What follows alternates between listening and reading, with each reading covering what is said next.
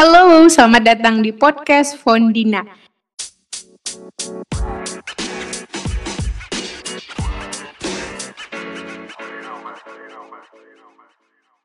Kali ini kita kedatangan tamu yaitu Mas Dirga. Halo Mas Dirga, apa kabar? Halo Mbak Ponina. Oke, Mas Dirga ini berasal dari Pinrang, Sulawesi Selatan. Lebih dekatnya ke arah Pare-Pare ya, Mas? Iya, iya. Uh, untuk background pendidikan sendiri, Mas Dirga S1-nya jurusan Sastra Inggris di Universitas Sanata Dharma angkatan 2013, kemudian lulus pada tahun 2017. Pada tahun 2018, Mas Dirga mendapatkan beasiswa LPDP PK 139 kemudian melanjutkan S2-nya pada bulan Agustus 2019 sampai bulan Juni 2020. Jadi Mas Dirga ini S2-nya ditempuh selama 10 bulan. Itulah tema podcast kita kali ini. Oke, Mas Dirga bisa diberi gambaran nggak tentang program 10 bulan di University of Chicago? 9 bulan sih mbak tepatnya Oh, 9 9 bulan, bulan ya. tepatnya. secara ofisial 9 bulan um, mulai dari mana ya Hmm, mulai dari programnya dulu aja mas. Kok ada program yang 10 bulan eh, Hmm, oh ya dan program 2 tahun. Bedanya oh, apa? oh. biasanya kan master kita tahunya 2 tahun ya di Indonesia 2 tahun kebanyakan aku malah belum tahu ada program yang setahun master di Indonesia tapi di luar itu di UK terutama itu master yang sekitar setahun itu umum sih. Cuma di Amerika kebanyakan seperti di Indonesia dua tahun. Tapi universitasnya kebetulan sukanya berbeda dari yang lain. Dari teman-temannya yang lain deh di sana jadi mereka memilih setahun aja. Tepatnya 9 bulan, setahun pelajaran. Oh oke. Untuk jurusannya sendiri Oh iya, namanya Master of Arts in the Humanities. Itu program Master Humaniora. humaniora. Oke. eh, bedanya dari segi biaya berapa ya mas? S, eh, yang 24 bulan dengan 10 bulan. Ah, kalau di kalau di programku eh, sampai selesai itu hitungannya eh, 60 60 ribu dolar itu untuk biaya kuliah. Sementara di program yang mirip-mirip itu di Yale misalnya itu kan sistem dua tahunan. Per tahun mereka bayar, aku cek 4 ribu dolar. Ya. Nah, kalau dibandingkan sama Oxford misalnya yang sama-sama 9 bulan, masternya yang mirip-mirip dengan punya aku, Master in English and American Studies, itu 37 dolar, 37 ribuan dolar. Sudah sampai selesai? Oh sudah sampai eh, di Oxford. Hmm, Oke, berarti memang dari biaya per tahun memang lebih mahal ya, Mas. Eh, tapi ditempuhnya hanya dalam waktu setahun. Dengan biaya setahun itu 60.000 dolar, sedangkan di universitas lain sekitaran 40.000 dolar per tahun. Jadi akumulasi selesainya tetap 80 dolar lebih per 2 tahun. 80 ribu dolar. Iya 80.000 dolar lebih per 2 tahun.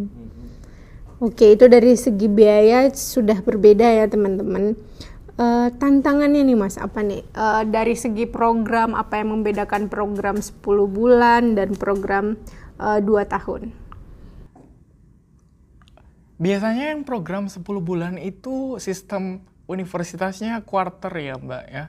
Artinya bukan semester, bukan per 6 bulan. Satu pembabakan pelajaran itu bukan per 6 bulan, tapi per 3 bulan. Nah, itu akibatnya ritme kita belajar itu lebih cepat. Akibatnya buat mahasiswa kita harus pintar-pintar mengatur waktu, ikut kelas, mengerjakan tugas. Sementara kalau yang enam bulan aku waktu merasakan kuliah di Sanata Dharma dulu ada waktu santai-santai lebih banyak waktu santai-santai kalau yang cuma tiga bulan kurang lebih 10 minggu itu ritmenya cepet gitu mbak oke okay. uh, eh, untuk yang semester untuk yang 24 bulan juga uh, hitungan semesternya per tiga bulan per satu bulan seperti itu Biasanya kalau yang uh, 24 bulan atau 2 tahun itu hitungan semester. Semester. Oh, semester. semester. Iya. Um... Cuma di universitasku itu di programku tepatnya ada pilihan uh, kamu bisa milih mau setahun apa dua tahun. Kalau setahun berarti kamu dapat tiga catur bulan. Hmm, okay. Kalau dua tahun kamu berarti dapat enam hmm. catur bulan. Iya, cuma kalau misalnya di universitas seperti Yale mm -mm. itu dapatnya empat empat semester empat semester atau di universitas di Indonesia yang empat semester. Jadi di uh, di University of Chicago semuanya per catur bulan. Per catur bulan, benar, benar. Semua jurusan. Iya, setahu setahu saya iya, setahu saya. Itu lebih mirip ke sistem di UK. Lebih mirip ke sistem di UK. Untuk tantangan sendiri, apa ya mas tantangan kuliah 10 bulan ini? Biasanya 10 bulan tuh kalau menurutku waktu yang sangat sebentar ya, nggak kerasa banget 10 benar, bulan tuh tiba-tiba udah selesai. Iya itu, itu tadi ya, uh, ritmenya cepat ya, jadi kita harus pintar-pintar mengatur waktu. Dan tingkat apa stresnya tinggi menurutku. Jadi selain pintar mengatur waktu, artinya ini buat membaca bahan buat kelas, buat ikut kelasnya sendiri, kemudian sambil mengerjakan tesis juga. Jadi pembagian waktu sangat penting. Di luar itu, ini nggak ada hubungannya sih, nggak ada hubungannya sih sama waktunya yang cepat. Cuma uh, di Indonesia kan kita seringnya uh, lecture base ya, hmm. artinya kelas kita dengerin kuliah dari dosen Nah kalau di sana itu lebih semin, lebih kayak seminar gitu loh mbak. Hmm. Jadi ya meja kita duduk di sekeliling meja itu dosennya bertanya. Kalau di sana lebih ke discussion. Oh, Oke, okay. uh, 10 bulan di sana butuh waktu untuk beradaptasi nggak? Sedangkan biasanya kita dari Indonesia pastikan uh, dari budaya kita mengalami culture shock kan ya uh, pindah ke negara lain itu gimana caranya beradaptasi dengan cepat sedangkan waktu kuliahnya 10 bulan kalau aku kemarin pas catur bulan pertama tuh sempat agak tertekan juga ya. Soalnya yang pertama ritmenya cepat aku nggak terbiasa. Kedua tiap kelas kita harus perform kita nggak bisa duduk gitu aja dengar ya? eh, eh, eh nggak bisa nggak bisa. Aku merasa tertekan. Akhirnya aku cari bantuan. Bantuan ke uh, di kampusku tuh ada layanan konsultasi psikolog gitu. Nah aku pakai itu.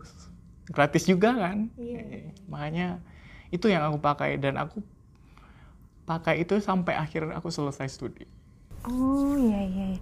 berarti uh, sangat bermanfaat ya mas? Bermanfaat bermanfaat sekali.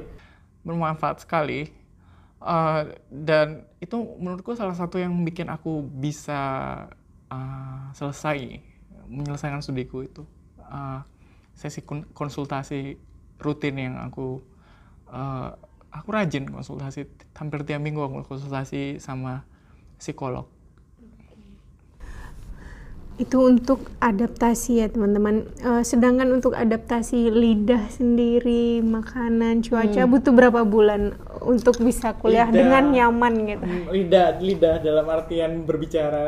Uh, makan. Ma makan. Oh berbicara, aku sampai di sana kagok kok, kagok. Aku, aku uh, sampai di sana masuk ke supermarket Target. Aku ingat sekali, aku harus aku harusnya bilang, uh, do you do you uh, accept credit card? And then aku bilang aku malah bilang do you receive credit card? Itu itu salah-salah seperti itu sering lah pokoknya di awal-awal. Soalnya uh, kagok juga kan. Kalau makanan aku nggak terlalu anu sih mbak. Aku nggak terlalu bermasalah sih. Aku kayak makan semuanya aja nggak apa-apa. Wow keren keren mas Dirga uh, 10 bulan itu waktu berapa uh, butuh waktu berapa lama untuk ngerjain tesis mas oh tesis itu mulai dari kita masuk program udah di diwanti-wanti sih jadi mulai dari sekarang mulai pikirkan judul tesisnya apa, topik tesisnya apa lebih tepatnya. Sebelum daftar berarti? Bukan, oh. setelah hari pertama. Katakanlah oh. seperti itu. Hari pertama kita masuk kuliah udah diwanti-wanti. Terus uh, supervisornya mulai mencari-cari. Untuk supervisor sendiri kita yang mengajukan atau? Kita yang mengajukan, kita yang mengajukan. Um, aku dalam kasusku aku buat cari supervisor yang tepat, aku ambil kelas ke profesor yang aku udah target, aku udah kira-kira ini kayaknya bagus nih. Nah, aku ambil kelas ke dia, aku ambil kelas dengan dia, bukan cuma satu kelas aja, aku ambil dua kelas di supervisor di profesor itu.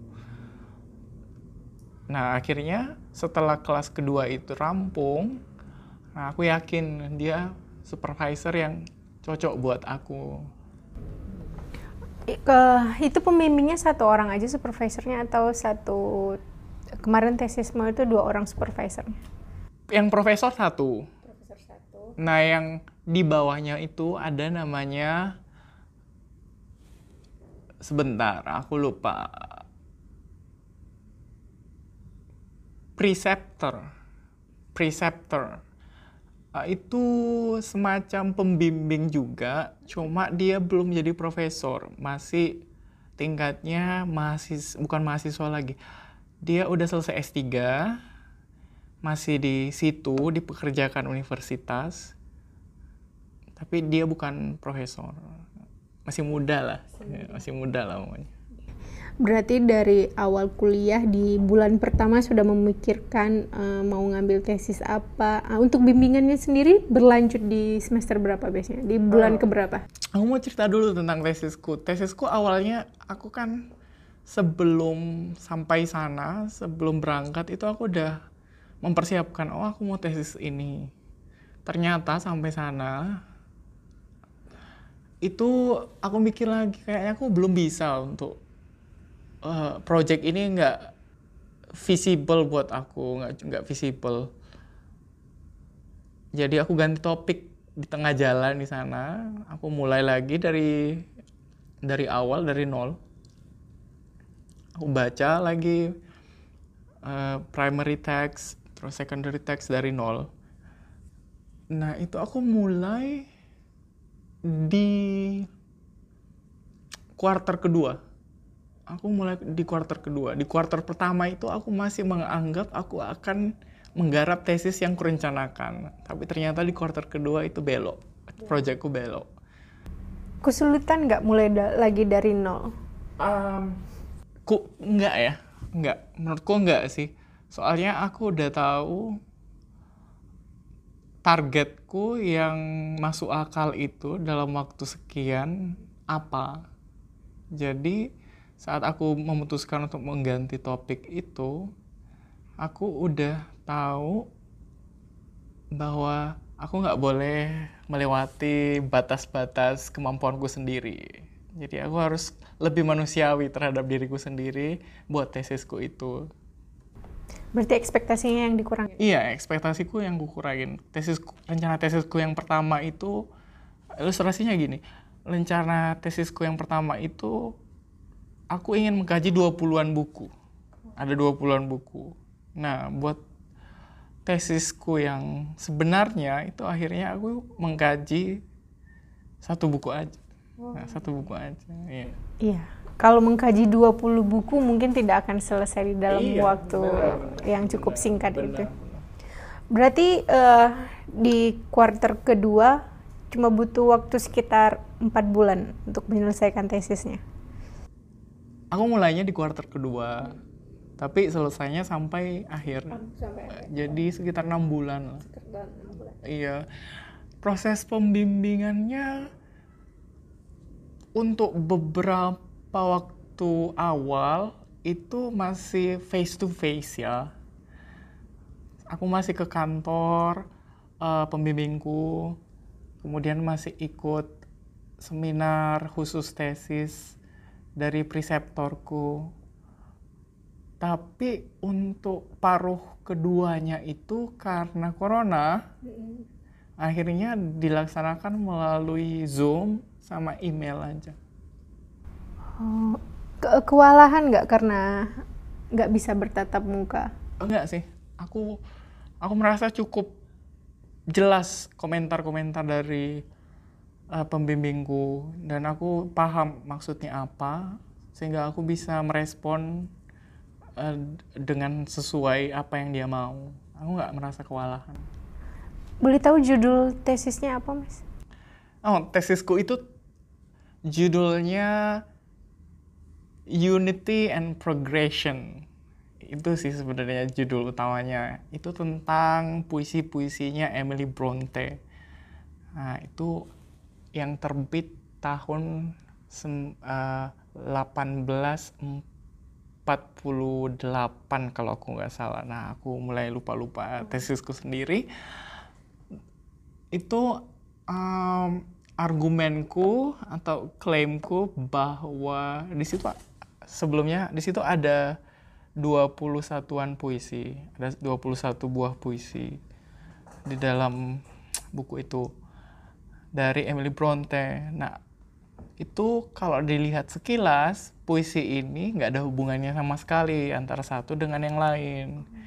Nah, aku bilang di tesisku, sebenarnya ini mereka berhubungan. Mereka ini semacam, gimana ya menjelaskannya, itu dari satu puisi ke puisi lain itu semacam tanda kutip cerita.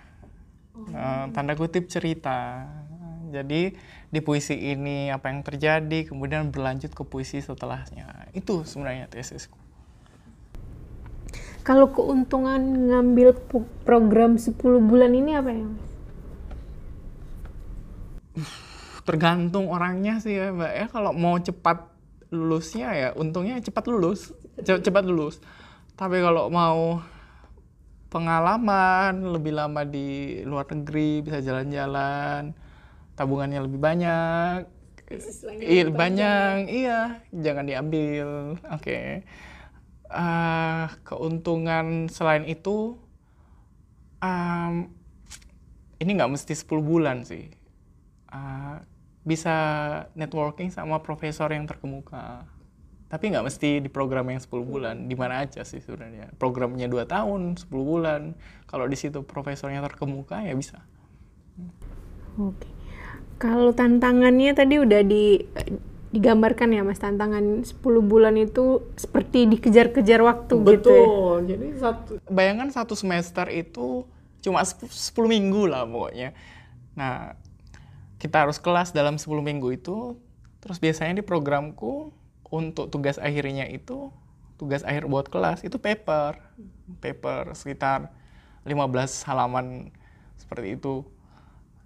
Nah, itu tantangannya di situ jadi pas di hari terakhir kelas kita juga udah harus sedang mengerjakan paper kita. Ya. Papernya harus submit atau enggak? Paper yang dikumpulkan itu hanya berupa paper hmm. atau paper yang sudah submit? Di jurnal maksudnya? Iya. Oh, enggak, enggak ada di sana. Hmm. Aku aku nggak pernah menemukan dosen-dosen minta kamu oh, harus submit di jurnal nggak ada, nggak ada, nggak ada. ada. Berarti hampir sama ya kayak beberapa kampus di Indonesia juga uh, mensyaratkan tugas akhir itu berbentuk paper. Cuma paper yang dikumpulkan bukan paper yang disubmitkan iya, ya. Kupikir mereka nggak buru anu sih mbak, udah nggak buru publikasi sih, sih udah nggak buru publikasi jadi um, mahasiswa itu benar-benar ajang belajar aja. Kupikir kalau kamu sudah pub publikasi ke jurnal itu kan ajang mengajari orang lain.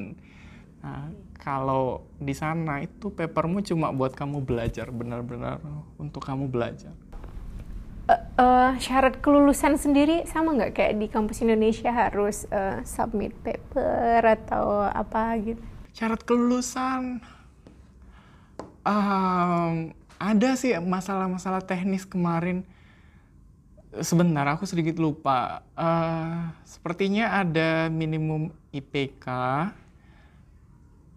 terus durasi juga ada. Cuma aku lupa ini tepatnya spesifiknya berapa lebih ke administrasi gitu iya, ya nggak nggak ada yang iya. dan itu semua kan dijelaskan di awal oh. di awal kamu masuk hari pertama itu akan dijelaskan hal-hal logistik seperti itu satu kelas berapa orang mas nah ini yang paling besar itu satu angkatanku di programnya seratusan itu salah satu-satunya kelas besar itu itu seratusan dan modelnya uh, lecture, um, ceramah.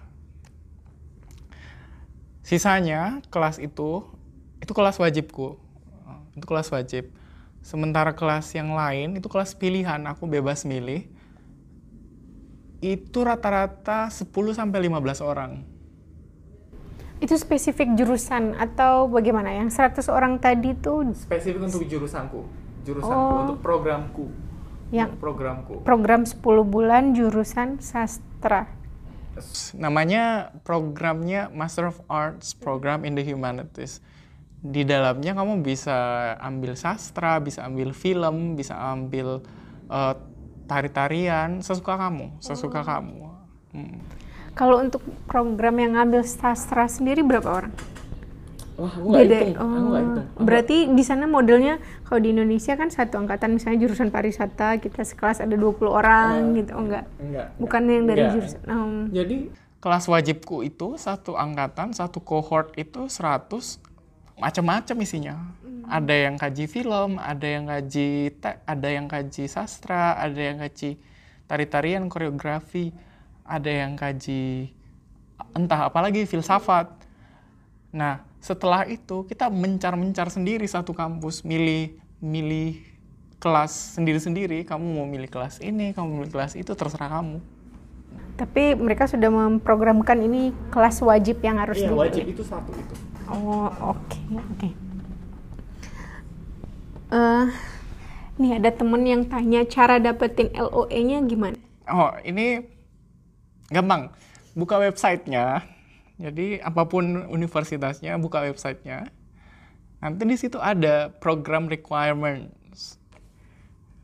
Nah, kalau dalam kasus suku kemarin itu aku harus isi formulir, terus ngirim uh, contoh tulisan kritis atau tulisan akademis, terus statement of academic purpose itu yaitu uh, motivasimu apa, hmm. kenapa kamu mau masuk ke program ini, bagaimana program ini akan membantu kamu, terus uh, surat-surat rekomendasi dari dosen-dosenmu sebelumnya, dalam kasusku dosen-dosenku di S1 kemarin.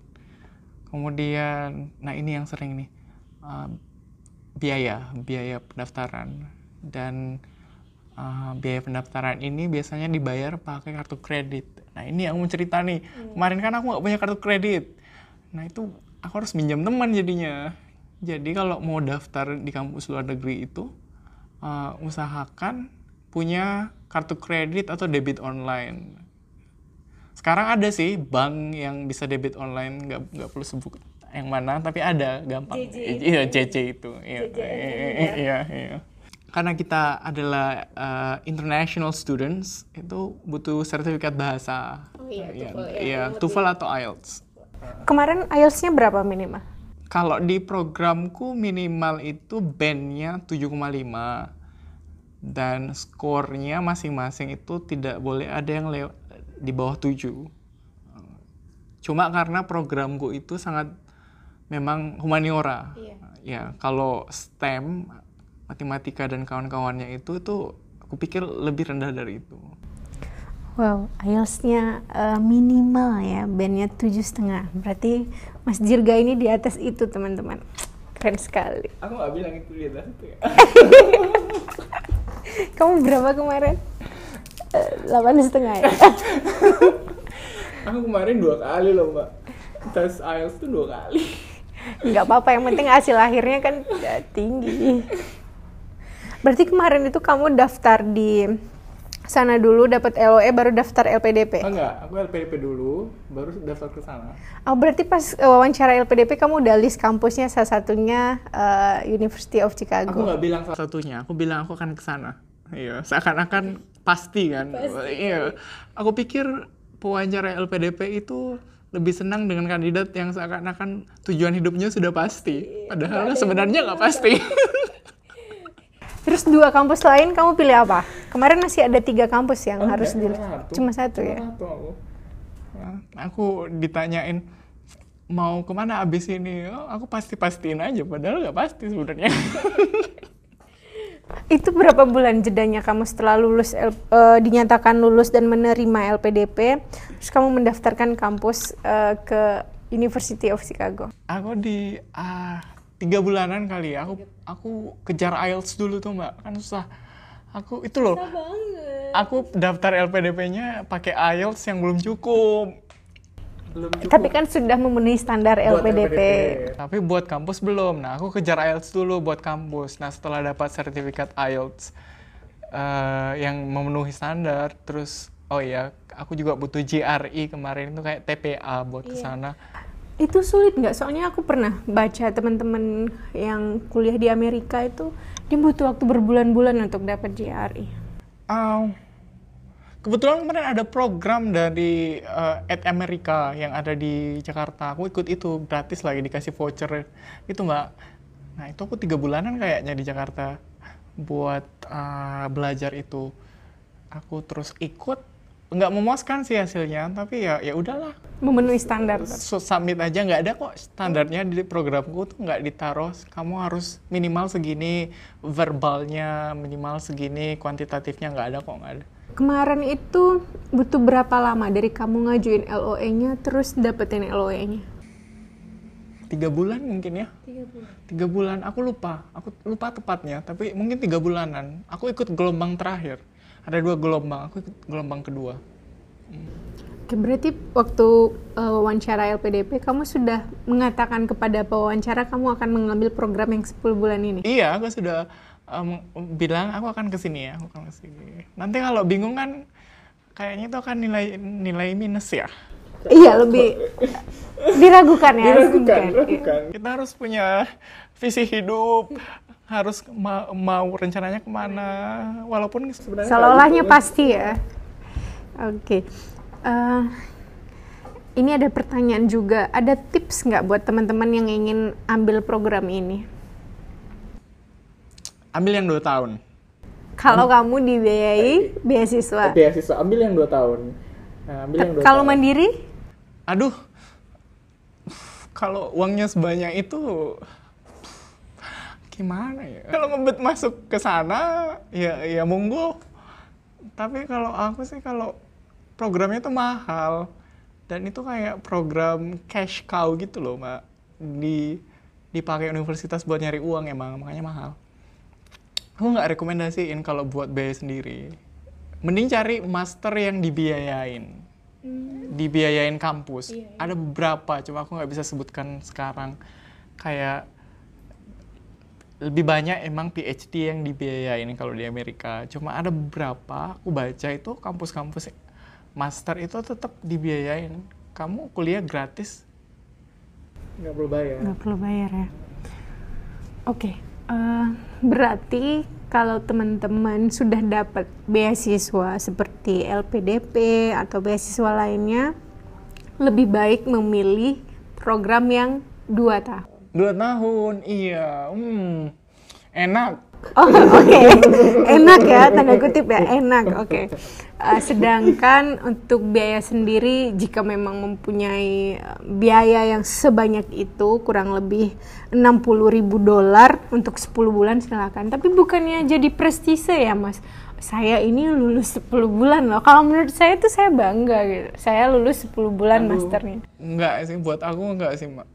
Ah, apa sih yang dibanggain dari 10, maksudnya lulus cepat. Kalau ilmunya nggak ada juga, Iya, pasti ada dong ilmunya.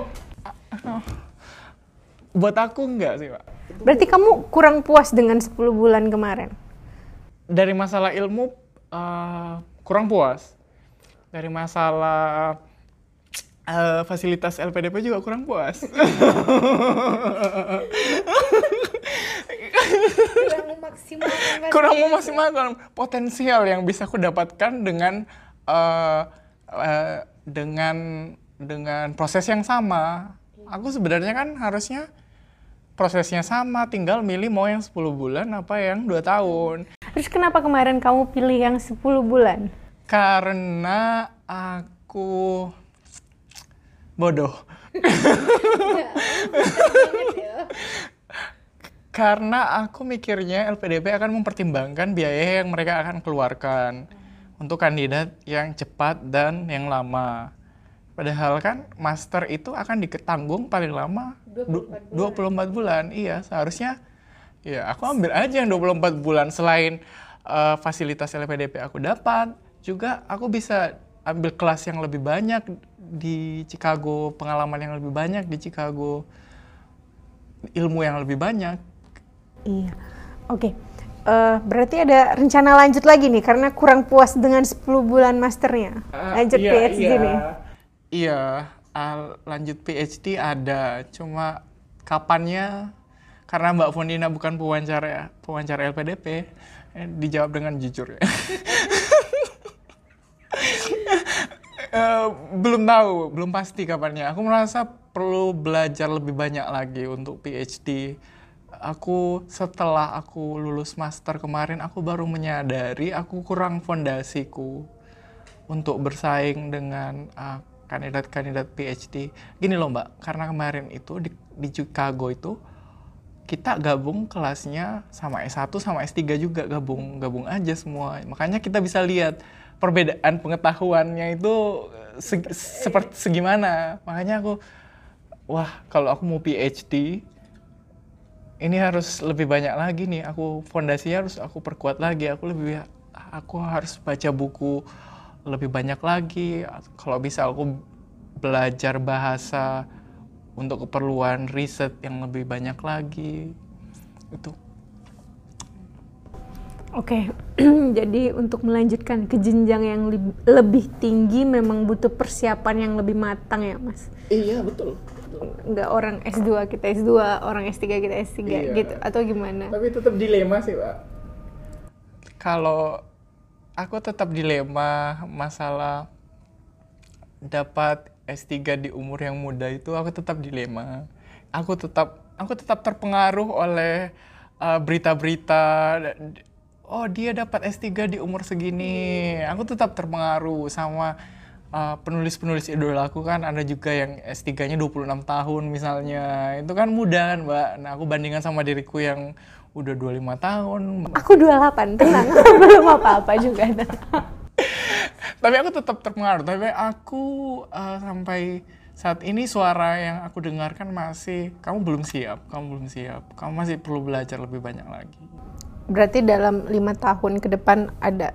Ada, ada, ada dan lagi pula kan untuk S3 kamu harus tahu target penelitianmu apa. Sementara aku kasih masih mengawang-awang. Aku mau ini, mau itu, mau ini, mau itu, itu. Atau kembali lagi ke target pertama kamu. Kayak tadi kamu bilang rencana awalnya pengen tesisnya mengkaji 20 buku ini. Hmm, itu kurang. Itu buat PhD kurang. Buat PhD kurang. Meskipun itu 20 buku itu dari satu pengarang. Jadi itu uh, istilahnya cuma tentang satu orang. Kalau kamu mau mengkaji PhD di bidangku, aku lihat minimal tentang tiga orang dan tiga orang ini dipayungi oleh uh, satu kerangka berpikir yang sama. Kamu punya klaim satu, klaim besar, yang diilustrasikan dengan tiga tiga orang, tiga orang ini oh, gitu. Berarti ketiga orang ini menggambarkan apa yang kamu klaim. Iya, gitu. iya, benar, benar sekali. Nah, kalau yang 23 buku itu eh, tadi kan cuma satu orang itu. Hmm. Jadi aku perlu menambah dua lagi. Berarti kalau dikalikan bisa jadi 60 buku ya. Iya, dan aku perlu belajar lebih banyak bahasa lagi. Bukan bukan buat ngomong sih, cuma buat baca Karena kalau di bidangku wajib hukumnya aku bisa baca bahasa asli dari teks yang ku baca, yang ku, akan ku riset. Misalnya aku- Bahasa asli dalam arti bahasa asing lain ya? Iya benar, kalau aku mau meriset pengarang dalam bahasa Prancis, aku harus bisa bahasa, aku harus bisa baca bahasa Prancis. Eh, Terjemahan yang asli gitu, ber- bu- maksudnya Bukan naskah asli. Naskah asli bukan terjemahan. Kalau kamu baca terjemahan itu kayak di nggak boleh, itu nggak boleh. Itu artinya kamu bergantung pada orang lain. Dalam hal ini bergantung pada penerjemah. Nah, Oh, Oke, berarti target eh, sebelum umur 45 tahun sudah profesor ya kan sekarang itu lagi eh, digencar-gencarkan wacana 45 tahun profesor muda. ah, gimana ya mbak ya? Kalau itu, hmm, aku nggak gila jadi profesor sih. Aku nggak gila jadi profesor. Aku targetnya sebelum mati menulis buku yang aku puas. Aku puas dengan buku itu. Kalau nggak jadi profesor nggak apa-apa. Yang penting nggak mati miskin aja. Itu kunci ya teman-teman dan menghasilkan karya yang sudah ditargetkan oleh Mas Dirga ini. iya. Iya. Dan membaca buku-buku yang sudah kamu list itu kan. Iya, iya. Iya, jadi aku selesai master kemarin aku sadar dari mendengar omongan dosenku, dari kelas yang diampu oleh dosenku itu, aku tahu ada buku-buku yang harus aku baca sebagai teks fondasi. Oke. Oke, terima kasih obrolan hari ini Mas Dirga. Oh ya, sebelum penutup ada nggak quote atau mm, kata-kata favoritmu untuk memotivasi? Aku nggak punya. Oh ya, satu lagi pertanyaan terakhir nih ditanyain temen di Instagram. Kamu tuh makan apa? Bisa kuliah tuh 10 bulan gitu. Eh, nggak makan apa-apa, harus programnya 10 bulan. Kalau kamu lewat 10 bulan nanti bermasalah sama kampusnya. Ber- kalau lewat 10 bulan, kamu tetap dibiayain LPDP kan sebenarnya? Tapi kan di awal kita mengajukan LOG itu itu udah dari kampusnya diberikan ini loh letter of acceptance kamu durasi studinya dari ini sampai sini. Nah kalau lewat dari itu berarti kan kamu tidak selesai tepat waktu. Berarti tetap bayar biaya sendiri berarti. Nah kurang tahu, kurang tahu, aku kurang tahu. Oke, eh, thank you perbincangan hari ini eh, Mas Dirga. Jika ada yang ingin ditanyakan, teman-teman mau ke mana nih? Ada sosial media atau email? Atau punya email? email, ya silakan. M Dirgan, M D I R G A N T at gmail.com. Oke. Eh, nanti aku tulis ya di eh, deskripsi. Terima kasih sudah mendengarkan podcast Wendina. Sampai jumpa di episode lainnya. Bye.